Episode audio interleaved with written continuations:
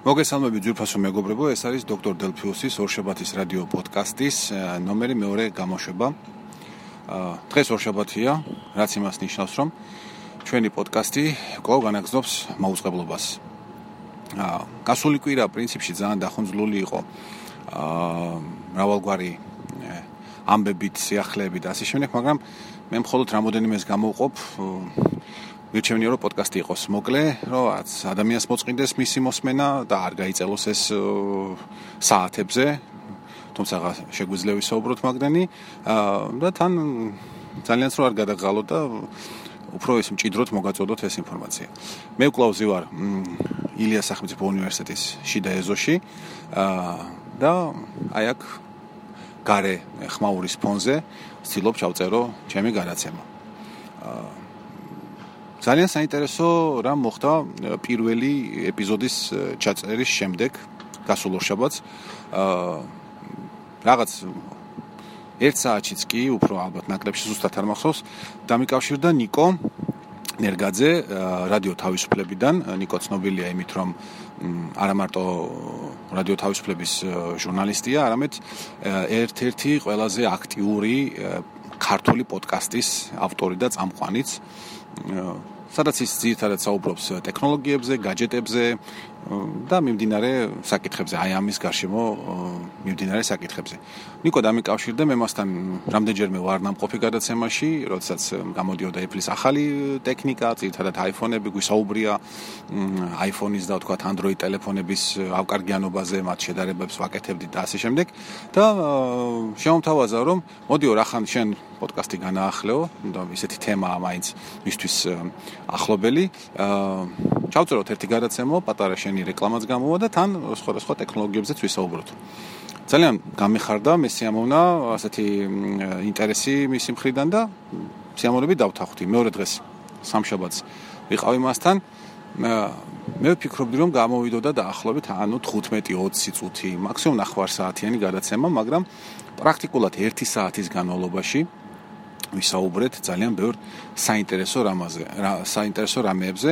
პოდკასტინგზეც მათ შორის რასაკვირველია, მაგრამ უფრო კლავ ჩვენი საუბარი წავიდა iPhone versus Android მოწყობილობების შესახებ და ნუ ასე შემდეგ და ასე შემდეგ. მოკლედ, ასეა თუ ისე, მე დაბეჭდებით გირჩევთ თუ ამ პოდკასტს უსმენთ, მაგრამ ამავდროულად ჯერ არ მოგისმენიათ ნიკოს პოდკასტი, აუცილებლად შედით ან რადიო თავისუფლების საიტზე და იქ ნახავთ ამას, ან უშუალოდ iTunes-ში მოძებნეთ ნიკოს პოდკასტი, ესე ძალიან კარგად და მარტივად ქვია და ყოველდღიური გამოშვებები აქვს ნიკოს და ძალიან საინტერესო თემებს ეხება ხოლმე, ასე რომ ეხლა გამოგვდის რაღაც ურთიერთ დარეკლამების ვარიანტი, თუმცა დარწმუნებული ვარ ნიკოს რეკლამა არ სჭირდება. ის ძალიან საინტერესო ადამიანია და საინტერესო თემებზე საუბრობს ხოლმე. მოკეთ აი ესე ამგვარად გამომივიდა კვირის დასაწყისი. პოდკასტი გავუშვით მე რე ვიყავი რადიო თავისუფლებაში. აა სხვათა შორის იქვე რადიოს ოფისთან ბიბლუსის მაღაზია და მე დიდი ხანია მქონდა შეთვალიერებული ერთი აა ესეთი ვერტიკალურ ბლოკნოტს დავარქმევდი, ანუ სამსახურში რომ მუშაობ, მჭირდება ხოლმე რაღაც რაღაც მოკლე ჩანაწერების გაკეთება აა იმ დროს რომელიც საჭიროა და შემდეგ დღის ბოლოს ამ ხაღალდებს მოუჭმოჭინი ხოლმე და ნაგუსხოჩი ვყრი. ამისათვის მაქვს პატარა დასაწებებელი ფურცლები არა. აი წებოს გარეშე რომ არის ოთხკუთხედი პატარა ფურცლები, იმის დიდი ნაკრები მაქვს. და იმაზე წერ, წერ, წერ და ეს ფურცლები მატულობს, მატულობს, მატულობს და ნუ ეს არც თუ ისე სასიამოვნო არასაკურველია. ამიტომაც ვიყიდე ესეთი პატარა ბლოკნოტი. ოღონდ აუცილებლად მნიშვნელოვანი ფაქტორი იყო რომ ვერტიკალურად გადასაშლელი, ანუ ამას კიდე მეორენაირად თქვია რეპორტიორების ბლოკნოტი და ნუ შაბათიდან, არა, სამშაბათიდან მოყოლებული ამ ბლოკნოტში შემოქვს ათასნაირი აა მიმდინარე ამოცანები. ამოცანასაც არ დავარქვი ამას. აი თქვათ მუშაობ რაღაც ერთ-ერთი ჩვენი ვებსაიტის გადაკეთებაზე და იქ საჭიროა რაღაც გარკვეული პარამეტრების უცებ ამოწერა, რომ შემდეგ რო შევცვლი არ დამავიწყდეს ან რაღაცა ან რაღაც ვებსაიტზე მუშაობისას ფერის ტექსტთან იგიანი კოდის დამახსოვრება. ეს რაღაცეები უცებ შეიძლება მიაწერო. მაგრამ არის მომენტები და საკმაოდ ხშირადაც მემართება, რომ ესეთი მიწერილი ინფორმაცია კვლავ მჭირდება ხოლმე. ამიტომაც ანის პატარა ფურცლები უნდა შემინახო და მე ესეთი პატარა ფურცლების გროვა უზამაზარ მთათ იქცევა და ეს არასასიამოვნო მე პირადად არ მომწონს, ან და მაშინ რაღაცა უნდა გავაკეთო. აი ესეთი ბლოკნოტი ამ საქმისთვის იდეალურია და ძალიან კმაყოფილი ვარ. ასე რომ თუ თქვენც ჩემსავით ესეთი აღნიშნული ამოცანის შესრულება გჭირდებათ ხოლმე, აუცილებლად გირჩევთ ბიბლოში გაიაროთ. მე მგონი კიდე იქნება 5 და 5 ლაი და რაღაც თეთრები ღირდა არ მახსოვს ზუსტად. არ ღირს ძალიან ძვირი და ჩვენიერი ესეთი ზონარით გადასაჭერი ბლოკნოტია შავ წითელ ფერებში. აა კიდე რაზე მინდოდა მესაუბრა. ხო. აა ნიკოს პოდკასტში მე აღნიშნე ისე გავკრეთ სიტყვა მოიტან რომ წონა მაწუხებს და ეს ეს მართლაც ესეა. მთელი ცხოვრება მე ვიყავი ჭარბწონიანი და ეხლაც ვარ. და მთელი ცხოვრება ამას ვებძვი ვებძოდი ბავშვობაში ვებძოდი თინეიჯერობაში ვებძოდი მე აა ასე ვთქვათ ზრდასრულ ასაკში. მაგრამ ბოლო 5-7 წელი იქნება რაც ამ ბრძოლას ცოტათი შევეშვი და აი გადავეშვი დონატების, ჰამბურგერების მორევში, იმიტომ რომ შემოვიდა ჩვენთან დანკინი, შემოვიდა ჩვენთან ვენდისი და მინდა გითხრათ რომ ახლა ეს ესეთი ომები არ თავდება არასოდეს როგორც არის Mercedes თუ BMW, Apple თუ Google და ასე შემდეგ. ახაც მე ვიტყვი რომ მე მაგალითად Wendy's-ის ბურგერები გაცილებით უფრო მეტად მომწონს და მიყვარს ვიდრე McDonald's-ის პროდუქცია. შეგიძლიათ მომაყაროთ ახლა ბევრი ბუ პასუხები ამაზე. მაგრამ რა ვქნათ? ვერ გავექცევით ამას ვერსავერანაირად. ფაქტია რომ ვენდისებმა და დანკინ დონაცებმა ჩემს წონაზე დადებითად არის მოქმედა და პირიქით გაცლებით უფრო მეტად მომემატა ეს წონა შარშან წინ მე შევიტყვე ესეთი სამკონალო ცენტრის შესახებ როგორც არის ბორმენტალი ძალიან დამაინტერესა და გავწევრიანთი თანხა გადავიხადე გარკვეული ოდენობის. და მინდა გითხრათ რომ საკმაოდ დადებითი შედეგი გამოიღო ბორმენტალის მეთოდით წონის კრების და წონის კორექციის სისტემამ. ვინაიდან მე სადღაც 155 კილოდან ჩამოვედი 124 კილომდე. და ძალიან კმაყოფილი ვიყავი და მიდიოდა ეს, ну, პლუს რა თქმა უნდა ცირედი ფიზიკური დატვირთვების ფონზეც ვაკეთებდი ამას, იმიტომ რომ გარკვეული ისე თქვა კლავი მაწუხებს და არ შეიძლება ხა ჩემთვის შტანგების და მრავალკილოიანი გირების თრევა და აზიდვები. ამიტომაც სიარული არის ძალიან ერთ-ერთი ყველაზე უსაფრთხო და საკაიფო მეთოდი ფიზიკური აქტივობის შესრულების. მაგრამ მე მოხდა ისე რომ გაჩნდა ჩემი შვილი სანდრო. იყო იქ რაღაც გარკვეული ესეთი შფოთვების და ნერვიულობის პერიოდი და ნამდვილად არ მეცალა არც წონის კორექციისთვის, არც დიეტისთვის, არც კალორიების თვლის და ასე შემდეგ და ასე შემდეგ და მიყვადა, მიყვადა, მიყვადა მთელი შარშანდელი წლის განმავლობაში მე აქ თანაც თუ გავითვალისწინებთ რომ ილიას სახელმწიფო უნივერსიტეტის ბუფეტში ძალიან გემრიელი კერძები მზადდება და საკმაოდ ნოყიერი კერძები მზადდება, ну ამ ყველაფერმა, რა თქმა უნდა, 124 კილოგრამიდან ისევ ზემოთ ამოგვიყვანა სადღაც 135 კილოგრამამდე. მადლობა ღმერთს, რომ 145-ზე არ დაუბრუნდი. ასაკურველია მე ეს არ შეამოვნებ და არ მომწონდა. ხო და ამ წლის დასაწყისში, სადაც იანვრის შუა რიცხვები იყო, უფრო პირველი დეკადა, შემხვდა ჩემი ამხანაგი ლაშა ისიც გემოგელია, ისიც ასე თქვა ძალიან აქტიური ადამიანია თავის სფეროში და მე ერთხელ აუცილებლად გავაკეთებ ფლაშასთან ინტერვიუს, თუ ის რა თქმა უნდა თანახმა იქნება. აა და შევხედე რომ ლაშა ძალიან გამხდარა, შეცვლილა სხვანაირი ფორმები ასე თქვა მიუღია. დამაინტერესა და გამოველაპარაკე ამის შესახებ. მან მასწავლა გარკვეული მეთოდი.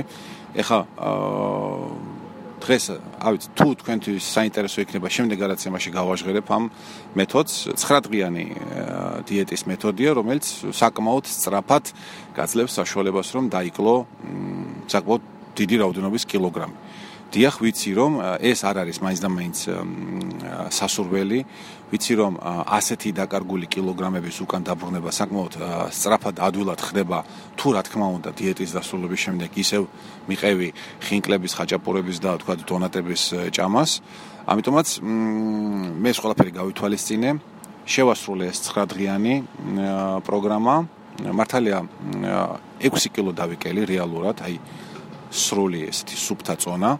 მე ამითაც ძალიან კმაყოფილი ვარ 129 კილოზე ჩამოვედი, რამაც ცოტათი მეტი შვება მომცა, ცოტათი მეტად უფრო უკეთესად სუნთქა, უფრო უკეთესად დავდივარ და ნაკლებად ვიღლები და ბრძოლა გრძელდება. ხა რაში გამოიხატება ეს? პირველი ორი დღე იყო ძალიან რთული. ძალიან ძიმე. პრაქტიკულად აა ნახევრად ბურანში ვიყავი, ესეთი აა შრომის ნაყოფიერება პრაქტიკულად ნულის ტოლფასი იყო აა და ამიტომაც მიჭირდა. და რაღაც იქ ვაშლი ვიყიდე, რაღაც ესეთ ხილს ვჭამდი, უშაქრო ყავას და უშაქრო ჩაის ვსვამდი და ეს ყოფილა ყველაზე უგემური და უსაშინლესი რამ აქვნა ხალხო მე არ შემიძლია ყავის დალევა შაქრის garaშე ძალიან ძნელია. მაგრამ ეს ერთი-ორი დღე რო გავიდა, უკვე ორგანიზმი გადაეწყო ამ საკვების მიღების ასეთ ახალ რეჟიმზე, ცირე რეჟიმზე. კუჭმაც დაიწყო დაპატარავება. და უცებ ვიგძენი და მივხვდი რომ მე აღარ მაქვს ის არანორმალური მადა, რომელთაც ყოველთვის გამოვირჩეოდი, არ მაქვს მუდმივად რაღაც წასუსნავების სურვილი, თქვა თუ საჭმელი არ არის, შეიძლება იქ პატარა პატარა ბრკვალი მაგარი ბუბლიკები რო არის, ან შეიძლება რაღაცა პეჩენია, ორცხობილა, ესეთი რაღაცები ამოვაგდე. თუ გაუსაძლისად მშია და თქვა საწლის მიღების დრო ჯერ არ არის, ვიღებ ვაშლს, ერთ წალს, იმას მივირთმევ. ვაშლი დაბალკალორიული პროდუქტია. კი, შაქარს მაინც შეიცავს, მაგრამ არ არის ისეთი, რომ რაღაც საშინლად მოგიმატოს წონა. კარალოკი არ არის და ხურმა არ არის, რომ რომელიც ძალიან მაღალკალორიული ხილია. მოკლედ, ასე მივიტანე მე თავის შაბათამდე. გუშინ წინ იყო ფორუმ ჯის მორიგი დაბადების დღე და კლავაც თავარი ადმინისტრატორის, უბრალოდ ერთადერთი ადმინისტრატორის ტიმის მოპატიჟებით, მოდერატორები შევიკრიბეთ ერთ-ერთ რესტორანში, კერძოდ კახელები ბელიაშვილზე, დიღომშია ეს რესტორანი და აღნიშნეთ ფორუმის დაბადების დღე, ისე როგორც ამას ვაკეთებთ ყოველწლიურად. მინდა გითხრათ, რომ არაჩვეულებრივი საღამო იყო. არაჩვეულებრივად კაი დრო გავატარეთ. რეალურად აღმოჩნდა როგორც იძახნენ რომ კახელები ბელიაშვილზე არის ძალიან მაგარი რესტორანი, ძალიან მაგარი კერძებით, მართლაც ესეა და თუ ჯერ არ ხართ ნამყოფი, მე პირველად ვიყავი ამ რესტორანში, დაბეჭდებით გირჩევთ რომ მიხვიდეთ, იმიტომ რომ ასეთ სიამოვნებას სხვადასხვა ქართული კერძის დაგემოვნებისაგან იშვიათად თუ სადმე შეძლებთ მაგარი რაღაცა. ძალიან გემრიელია. მაგრამ ეს არ არის მთავარი. მთავარი ის არის რომ მე ძალიან ვშიშობდი რომ ასეთი მაღალკალორიული საკვების მიღების შემდეგ და ალკოჰოლის მიღების შემდეგ როგორ იქნებოდა ჩემი წონის ამბავი. ხომ არ ამოვიტანდი ერთბაშად იმ 9 დღის ნატანჯ 6 კილოს უკან იმ ერთ იმ ერთ საღამოში. არა, რეალურად კვირას რომ ავიწონე, აღმოჩნდი 130 კილო. ანუ სულ 1 კილო დაბრუნდა უკან, აქედან ნაწილი მე სითხე იყო და სითხეს თუ კარგად არეგულირებ, ანუ ბევრი სითხე უნდა მიიღო ადამიანმა ზოგადად, იმისთვის რომ ორგანიზმში ის არ დარჩეს და დროულად გავიდეს. მაშინ ეს პრობლემა არ არის. მე დღეს უკვე 129-ის ფარგლებში ვარ ისევ, ანუ 48 საათის შემდეგ წონა ისევ დაბრუნდა უკან. შიმშილი არ მაწუხებს და ძალიან ესეთი სერიოზული გადაწყვეტილება მაქვს მიღებული იმის შესახებ, რომ 2019 წლის განმავლობაში მე უნდა დაუბრუნდე იმ წონას, რაც მე ვიყავი, როდესაც ვთვლი რომ ყველაზე კარგ ფორმაში გახლდით. ეს იყო სადღაც 100-105 კილოგრამის ფარგლებში მაქსიმუმ. როდესაც ეს არის ჩემი იდეალური წონა, რასაც მე თავს გწნობ აბსოლუტურად არაჩვეულებრივად, სუბუქად, შემიძლია მრავალი კილომეტრი გავიარო ისე რომ არც შევისვენო, არც დავიღალო და მე გეუბნებით რომ მე ამას აუცილებლად მივახცე.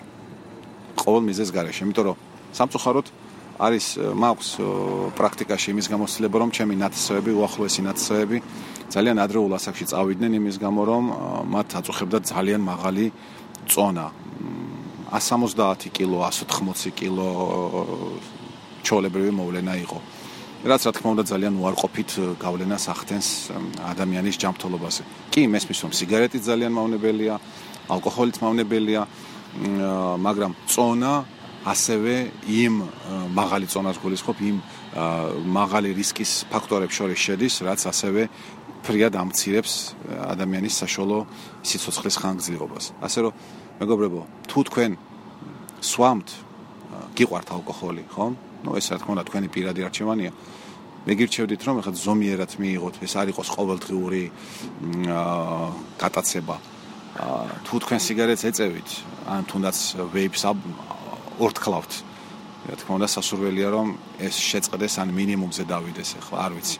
კი, რა თქმა უნდა სიგარეტი აბსოლუტურად ყველაზე დიდი მავნებლობაა, მაგრამ ყველა ადამიანს არ აქვს ნებისყოფის ისეთი უნარი რომ ერთბაშად დაანებოს თავი, ან სწრაფად დაანებოს თავი და ასე შემდეგ. და თუ თქვენ გიყვართ ჩემსავით ჭამა, მე არც სიგარეტი მიყვარს მაინც და მაინც, თუმცა სამწუხაროდ ვეიპს ვორთქლავ და არც დიდი ალკოჰოლის მოყვარული არ ვარ.